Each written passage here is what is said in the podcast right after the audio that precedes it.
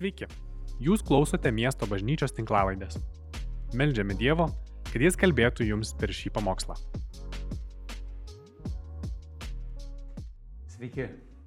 Šiandien mes tęsime pamokslo ciklą Tikėjimo bėgikai, kurio metu mes žvelgiame į biblinius asmenis, kurių gyvenimas galėtų pamokyti mus, įkvėpti būti mums pavyzdžiu, kuris turėtų įtakoti mus, būti mūsų influenceriai. Ir šito ciklo metu mes žvelgiam į tokius žmonės kaip Abraomas, Dovydas, Danieliaus draugai, Nehemijas ir dažnai tai būdavo sėkmės istorijos.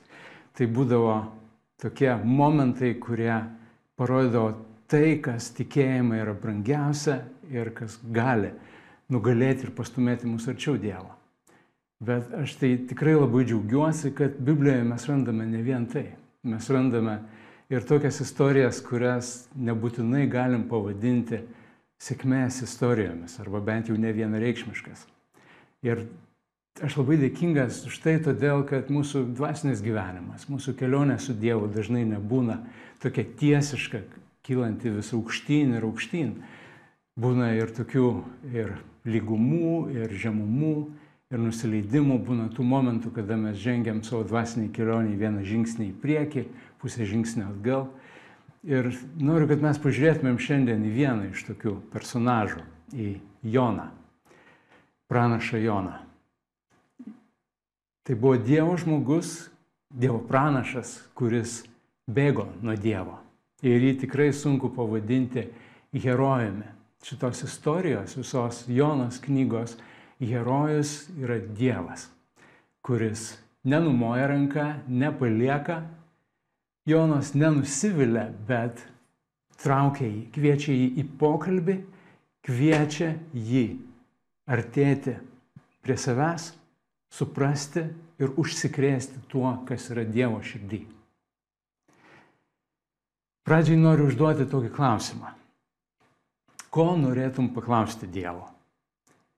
Ir kas, jeigu atsakymas tau nepatiktų? Pažvelkim į Jonos istoriją. Aš skaitau nuo pirmos eilutės, pirmos skyriaus iš Jonos pranašystės. Viešpats tarė Amitajo sūnui Jonai, eik į Ninevę, didį miestą ir šauk prieš jį, nes jų nedorybės pasiekė mane. Jona pakilo, kad bėgtų nuo viešpatės į Taršišą. Jis pasiekė Jafą, kur rado laivą plaukiant į Taršišą, sumokėjo už kelionę ir įsėdęs į jį su kitais plaukė į Taršišą nuo viešpatės akivaizdos. Viešpats tarė Amitajo sūnų Jonai. Kituose vertimuose sakoma, viešpatės žodis atėjo. Ir šitoje vietoje man taip visą laiką iškyla tas toksai posakis senas, brasdotas, kur sakoma, jeigu žmogus kalba Dievui, tai yra malda. Jeigu Dievas kalba žmogui, tai yra šizofrenija. Mes lietuviai turim posakį, kad jis su dievais kalbasi. Ir kad turim omeny, tai reiškia, kad jau galvoj varštai atsisuko žmogus šiek tiek neadekvatus. Bet biblinis požiūris yra toks, kad Dievas kalba žmonėms, jis pasirenka atskleisti save, jis pasirenka parodyti savo charakterį, atskleisti savo planus, įtraukti žmonės į, į tai, ką jis daro. Ir Dievas kalba žmonėm įvairiais būdais. Jis kalba jiems per raštą, kalba per kitus žmonės, kalba per mintis, kalba per sapnus, pačiais įvairiausiais būdais. Ir Luko Evangelijoje mes randam tokią istoriją, kai a, mokiniai eina į Emausą jau po Jėzus prisikėlimo ir Jėzus prisijungia prie jų, bet jie nepažįsta jo. Ir po to jau, kai Jėzus jam aiškina raštus Jis, jie, jie žvelgia atgal į tą istoriją ir sako, kai jis mums aiškino raštus, argi mūsų širdis nedegė.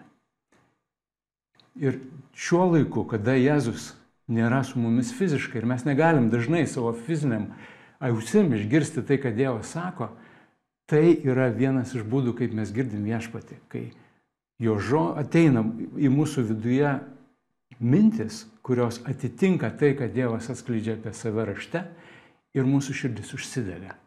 Jos tarsi užsiliepsnoja, gauna vidinį tą patvirtinimą, kad iš tikrųjų tai gali būti Dievas. Tai yra vienas dalykas - išgirsti arba suvokti, suprasti tai, ką Dievas kalba. Kitas dalykas - ką mes su tuo darom. Jėzus baigdamas kalno pamokslą, jisai sako tokius dalykus, pateikia tokį palyginimą. Tas, kuris klauso mano žodžių ir vykdo jį, yra panašus į išmintingą žmogų. Ta, kuris pasistatė savo namą ant uolos. Ir jis toliau sako, atėjo, pakilo vandenys, putė vėjas, kilo audra ir tas namas nesudrebėjo, nes jis buvo pastatytas ant tvirto pagrindo. Bet kitas, tas, kuris klausė žodžio, bet jo nevykdė, yra panašus į tą žmogų, kuris, į kvailą žmogų, kuris pasistatė namą ant smėlio. Ir vėlgi, kilo vandenys, putė vėjas, pakilo audra ir tas namas buvo nuneštas. Ir jo griuvimas buvo smarkus. Taigi yra svarbu, ką mes su Dievo žodžiu darom. Bet grįžkim prie Jonos istorijos. Jonas suprato, ką Dievas jam sako. Dievo nurodymas buvo eiti į Ninevę. Ninevė buvo Asirijos imperijos sostinė. Ir tai buvo viena iš to laiko supervalstybių, galingų to laiko jėgų politinių.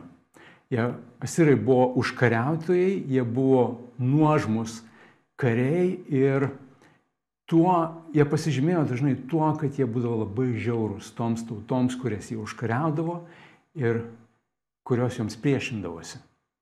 Ir tai buvo taip jiems natūralu visiškai, kad jie netgi didžiuodavosi tom žiaurybėm ir tais kankinimais, kurios, kurios tekdavo patirti, iškesti tiem žmonėms, kuriuos jie užkariaudavo. Jie pieždavo ir iškaldavo tos dalykus, kuriuos jie darė savo užkariautoms tautoms ant sienų.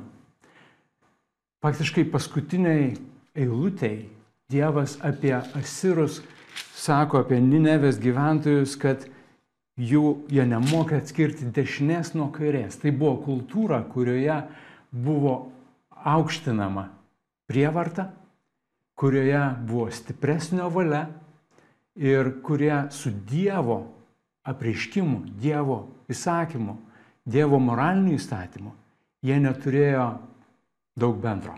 Todėl Dievas sako, jie yra tarsi tie, kurie negali atskirti dešinės nuo kairės.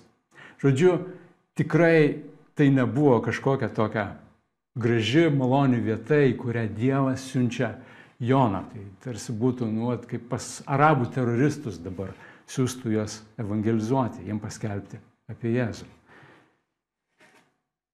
Jonas suvokia šitą žodį ir ką jis daro, jisai e, keliauja į Taršišą.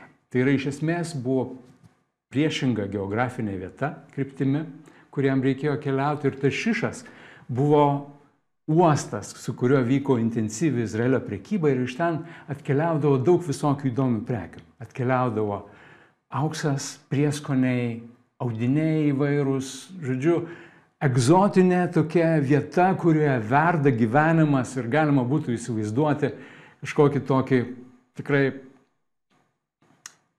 metropolį, vieną iš tų, į kuriuos labai įdomu nuvažiuoti ir ten gyventi, matyti tai, kas vyksta. Londonas galbūt, ar New Yorkas, ar kažkas tai tokio. Taigi, nors Jonas suvokė, koks yra Dievo kvietimas, jisai pasirinko keliauti priešingą kryptim, Ir čia kažkiek, jeigu sekti tą bėgimo analogiją, tai būtų taip tarsi įkviečia arba mane kvieštų į maratoną, nu, prasibėkim pusmaratonį.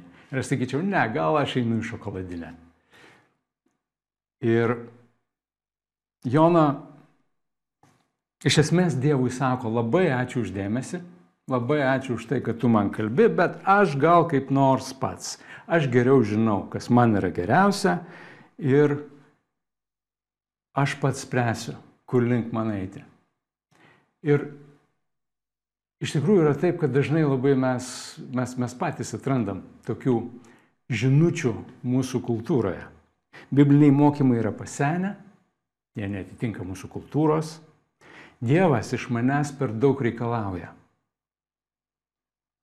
Kodėl aš neturėčiau gyventi kaip ir visi aplinkui? Ar tau ateina tokias mintis? Taigi Jona keliauja į priešingą pusę. Ir jis susiranda laivą, įsėda į jį, kyla didelė audra ir laivas, laivų iškyla pavojus paskesti.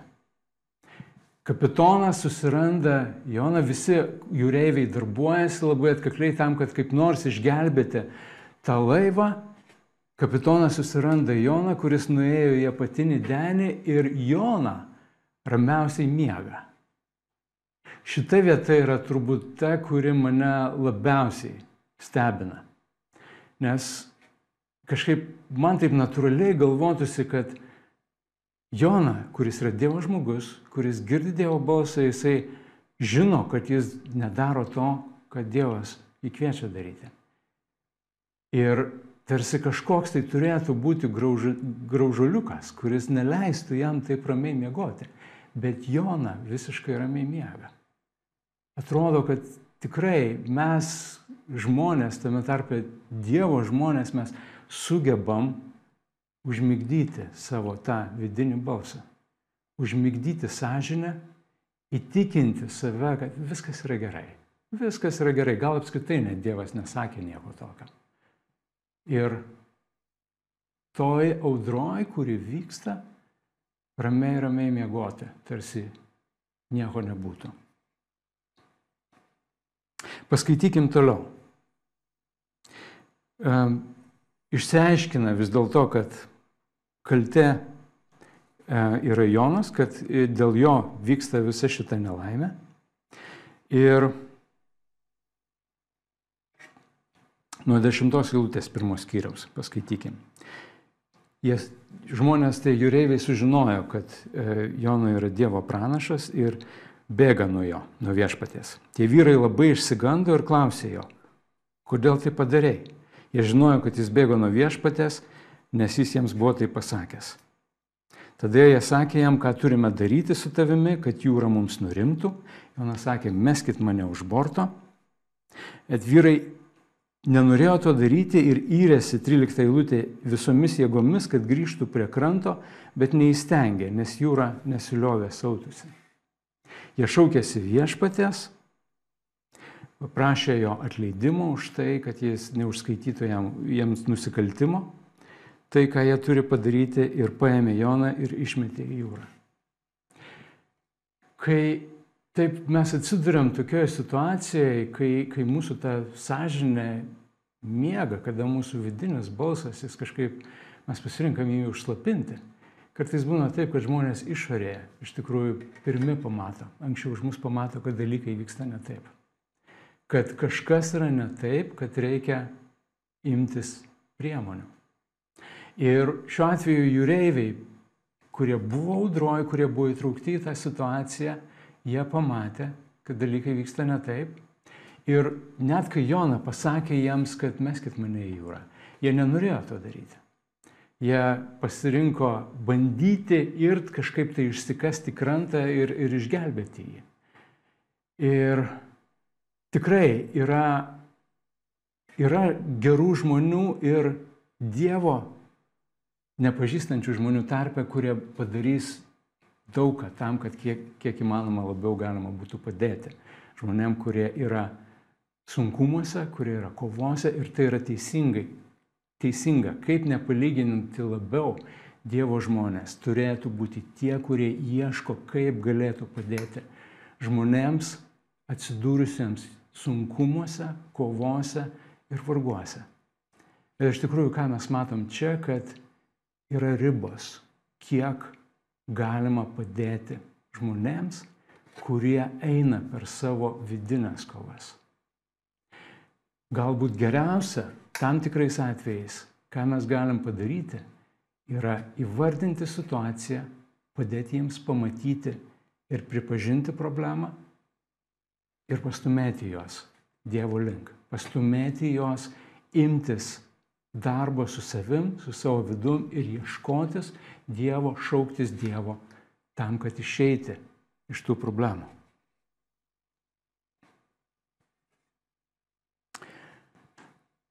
Jona atsiduria galų gale. Vienas, du su viešpačiu jis yra išmetamas į jūrą ir Dievas pasiunčia didžuvę ar didelę žuvį. Šitam vertime yra parašyta Jonai praryti. Ir jis išbuvo žuvies pilve tris dienas ir tris naktis. Mes galim tik tai įsivaizduoti, kas, koks yra jausmas būti tokioje situacijoje, bet man atrodo įvaizdis yra aiškus. Jona, kuris bėgo nuo Dievo akivaizdą į savo svajonių miestą, į egzotišką metropolį, kuriame verda gyvenimas, bėgo nuo tos nemalonios misijos, kurią Dievas kvietė jį, atsiduria vietoje, kuri yra vieniša, kuri yra karšta, kuri yra smarvė, dvokas. Jis atsiduria ten ir mes galim turbūt įsivaizduoti, kokie jausmai jį lankė. Jis turbūt pyko ant Dievo, buvo pasiruošęs išreikšti savo nepasitenkinimą įvairiais būdais ir iš tikrųjų tos trys dienos ir trys naktis jos yra tarsi simbolis mirties, kurią Jona turėjo pereiti mirties to įsivaizdavimo, koks jo gyvenimas turėtų būti, mirties tam savo įvaizdžiui, kurį jis norėjo kultivuoti. Ir praėjęs tą mirtį, Jona galų gale atsisuko į viešpatį ir pradėjo šauktis ją. Aš nežinau, galbūt tu dabar jautiesi taip, kad tavo gyvenime vyksta audros, arba kad esi atsidūręs tarsi banginio prive. Vietoje, kur yra vieniša, kurie yra karšta, kurie yra nemalonu, kur atrodo visi gražiausi gyvenimo planai, visi įsivaizdavimai dūšta ir miršta. Noriu to pasakyti, tu gali šauktis viešpatės.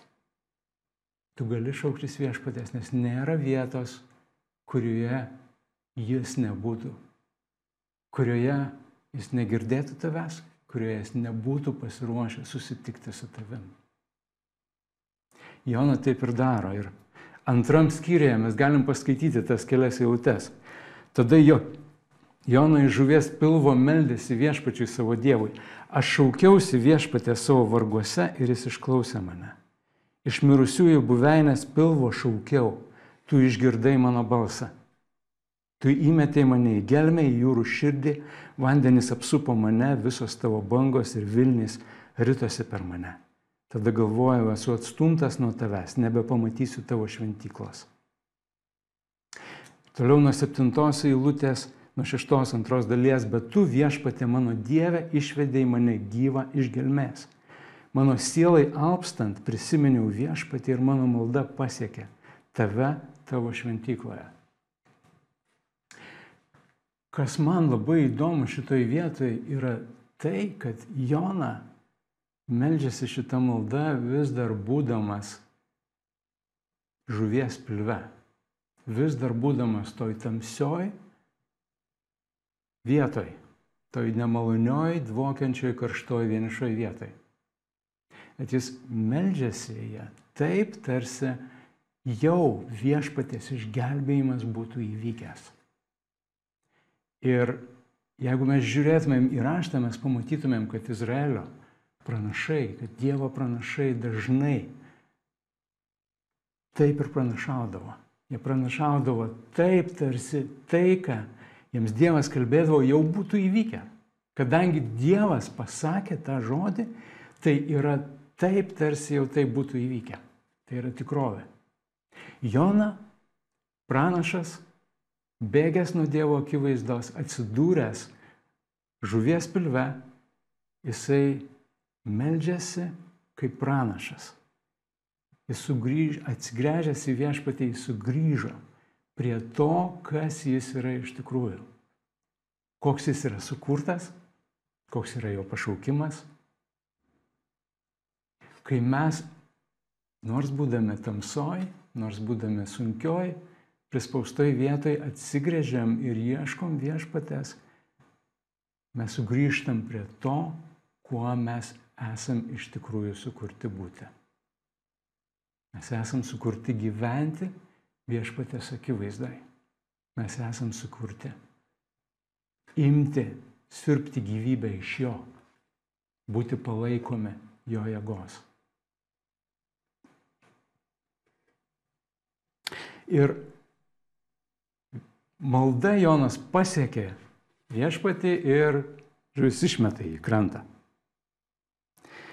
Ir trečiam skyriui mes matom, mes matom, kad Jona gauna kitą galimybę vis dėlto įsijungti tą misiją, kurią, kurią Dievas jam yra priruošęs. Ir, ir šį kartą Jona paklauso ir eina į Ninevę, į, į tą miestą, kuris yra super galybės sostinė, į kultūrą, kuri yra tolima labai nuo Dievo, kur moralinis pagrindas praktiškai nieko bendro su Dievo žodžiu neturi. Ir jis kalba tą žinią, kurią, kurią jis, jis įsivaizduoja Dievas, Dievas jam yra paskyręs paskelbti, kad po 40 dienų šitas miestas bus sunaikintas. Ketvirta eilutė. Jona ėjo per miestą vieną dieną Jis kelbė dar 40 dienų ir Nineve bus sunaikinta. Ir sunku patikėti atrodo, keista, bet įvyksta, įvyksta netikėtas dalykas. Žmonės Ninevėje ją atsiliepia, jie išgirsta. Ir penktoji lūtėje, trečios skyrios mes skaitom, Ninevė žmonės patikėjo Dievu, ir paskelbė pasninką ir nuo mažiausio iki didžiausio apsisiautė šutinėmis. Kai ta žinia pasiekė Ninevės karalių, jis pakilo nuo savo sosto, nusivilko savo drabužius, apsisiautė šutinė ir atsisėdo pelenuose. Tarsi sunku būtų patikėti, kad ta kultūra, tie žmonės, kurioje visiškai įprasta buvo jėgos ir galios garbinimas, jie galėtų išgirsti ir atsakyti į Dievo žinę, į tai, kad jiems būtina keisti savo kelius, būtina keisti savo gyvenimo būdą.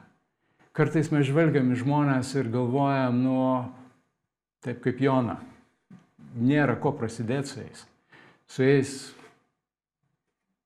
jiems, jiems jie yra Dievo prakeikti, jie yra Dievo atstumti ir, ir Dievas nei vieno nemato taip. Ar tai būtų teroristas, ar tai būtų benamis, ar tai būtų kažkoks verslininkas, kuris, kuris apgaudinėja savo darbuotojus ir išnaudoja juos, ar tai būtų korumpuotas politikas, kuris naudojasi savo valdžia tam, kad pagerinti savo ir savo, savo draugelių gyvenimą Dievas nori, kad jie ateitų ir pažintų jį. Dievas nori juos priartinti prie savęs. Ir aš tikiu, kad Dievas taip pat kaip ir Jona, jis kviečia ir mus taip pat dalyvauti tame procese. E, tai, kad įvyko tas dalykas, vis dėlto Pabandykim prisiminti, kad pagrindinis mūsų fokusas, akcentas yra tai, kad mes norim žiūrėti į tą pokalbį, kuris vyksta tarp Dievo ir Jonas. Jona nėra sužavėtas.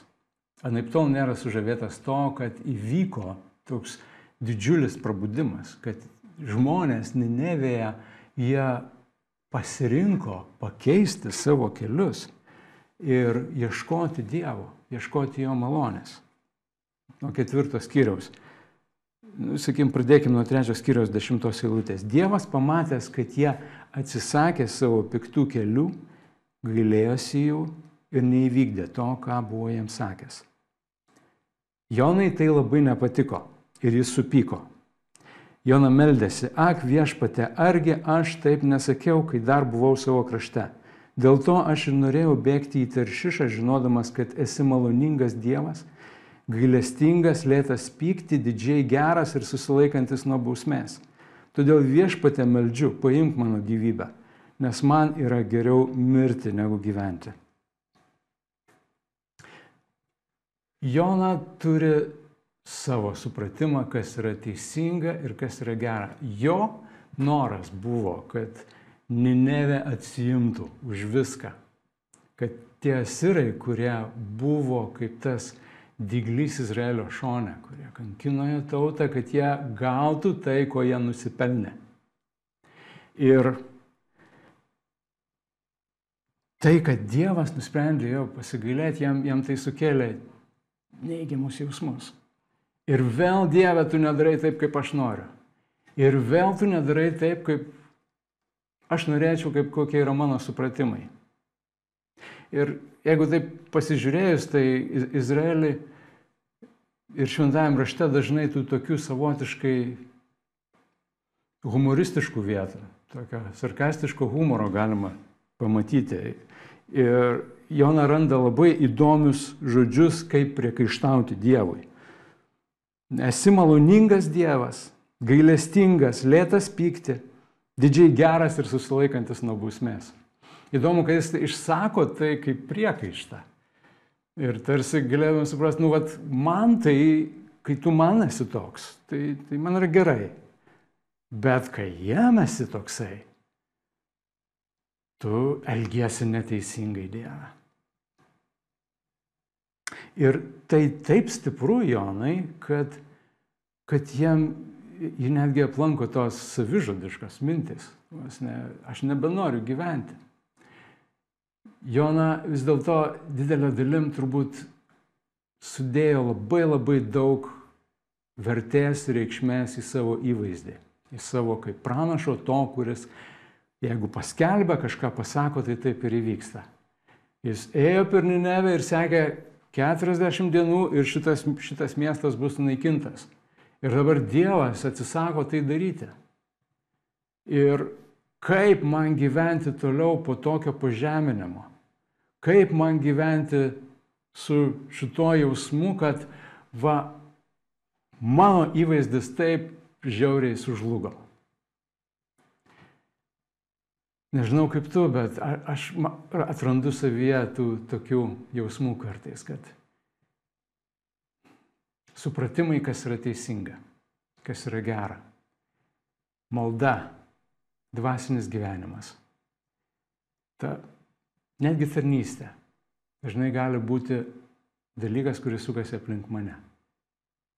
Tai dėl manęs, tai tarsi dalykas, kuris mano su, įvaizdį, mano vertę, mano, mano kažkokį supratimą apie save maitina. Ir Dievas jis tarsi lieka šiek tiek šone. Ir Jona eina per tą patį procesą. Ir toliau penktam, nuo penktos eilutės mes skaitom, Jona išėjo iš miesto ir atsisėdo rytų pusėje. Jis pasistatęs ten stoginę, sėdėjo jos pavėsėje ir laukė, kas atsitiks miestui. Viešpats Dievas išaugino augalą, kad jo šešėlis dengtų Jonos galvą ir išvaduotų iš sielvarto. Jona labai džiaugiasi augalu. Bet kitą dieną, aušrai brėkštant, Dievas paruošė kirmelę, kuri pakando augalą ir tas nudžiūvo. Saulė patikėjus, Dievas paruošė svilinantį rytų vėją. Saulė spigino Jonos galvą, jis alpo ir geidė savo mirties, sakydamas, geriau man mirti, negu gyventi. Ir Dievas tarė Jonai, ar tu teisingai pyksti dėl augalo? Sugrįžkim prie šitos devintos eilutės šiek tiek vėliau tarsi Jona vėl ir vėl tarsi lipa ant to paties grėblio. Atrodo, jis išgyveno tą mirtį savo įsivaizdavimams, savo planams, tada, kada buvo žuvies pilve. Bet vėl tarsi, kaip tam dvasiniam mūsų gyvenime būna, vienas žingsnis į priekį, bent pusė arba net pusantro žingsnio atgal. Vėl Dievas nepadarė to, ko aš norėjau, taip kaip aš įsivaizdavau ir, ir, ir aš pykstu, ir aš nepatenkintas, ir tarsi visi dalykai būtų apie mane. Dievas savo malonėje jis kažkaip vėl nenumoja ranką į Joną, jis kažkaip tai nepalieka jo, bet traukia jį toliau. Jis užduoda klausimą, ar tu teisingai pyksti? Ketvirtoji lūtė, ketvirtas skyriaus. Ar manai, kad teisingai pyksti?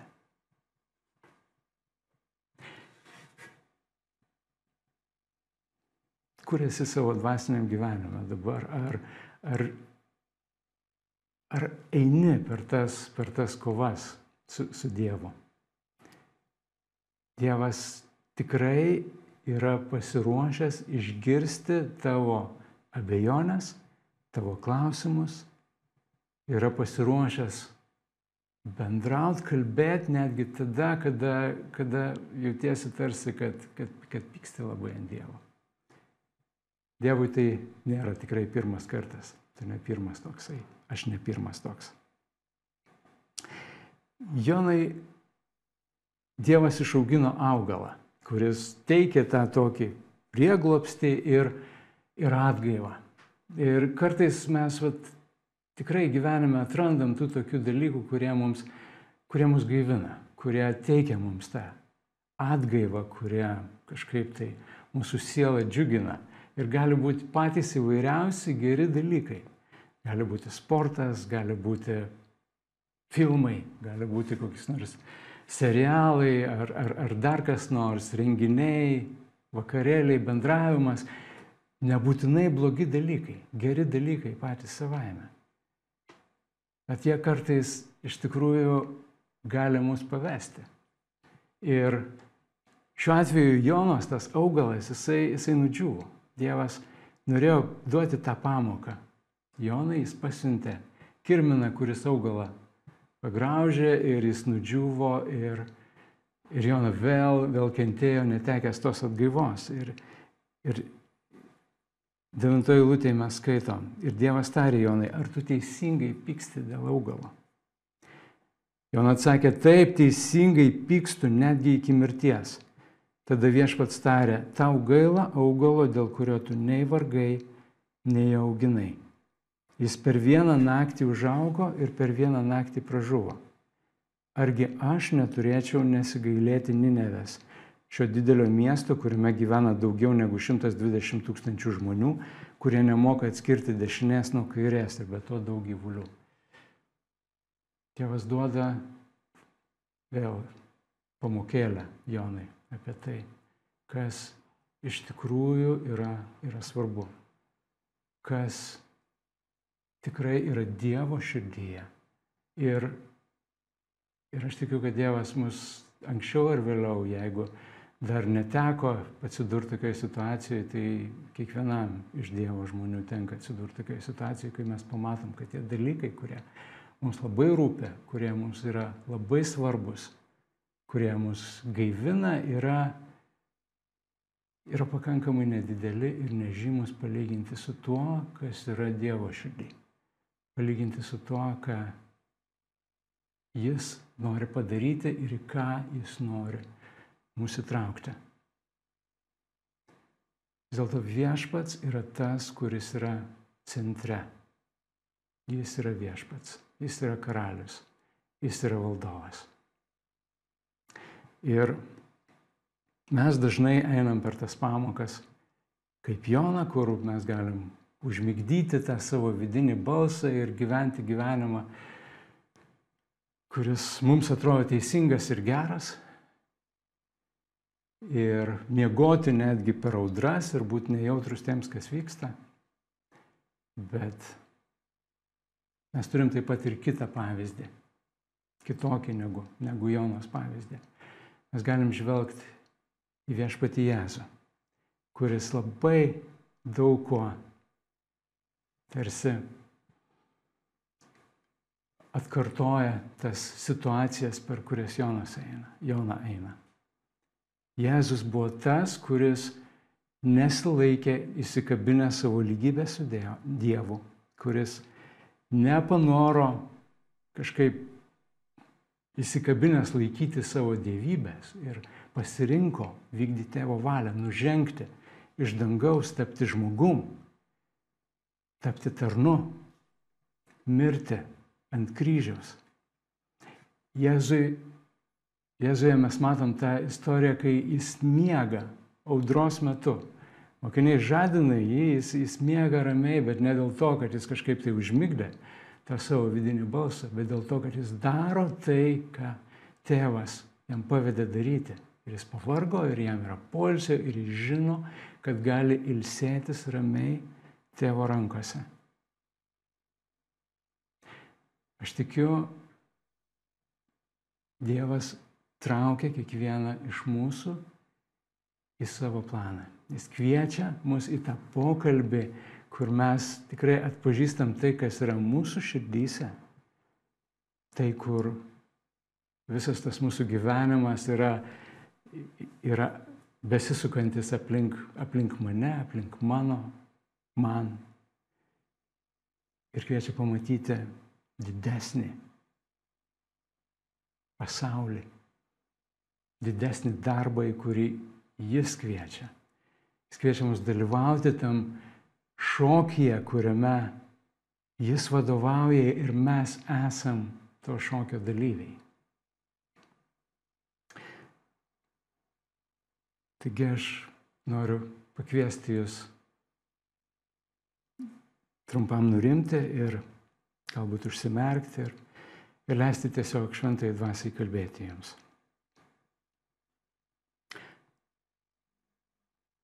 Ką Dievo dvasia dabar nori pasakyti jums?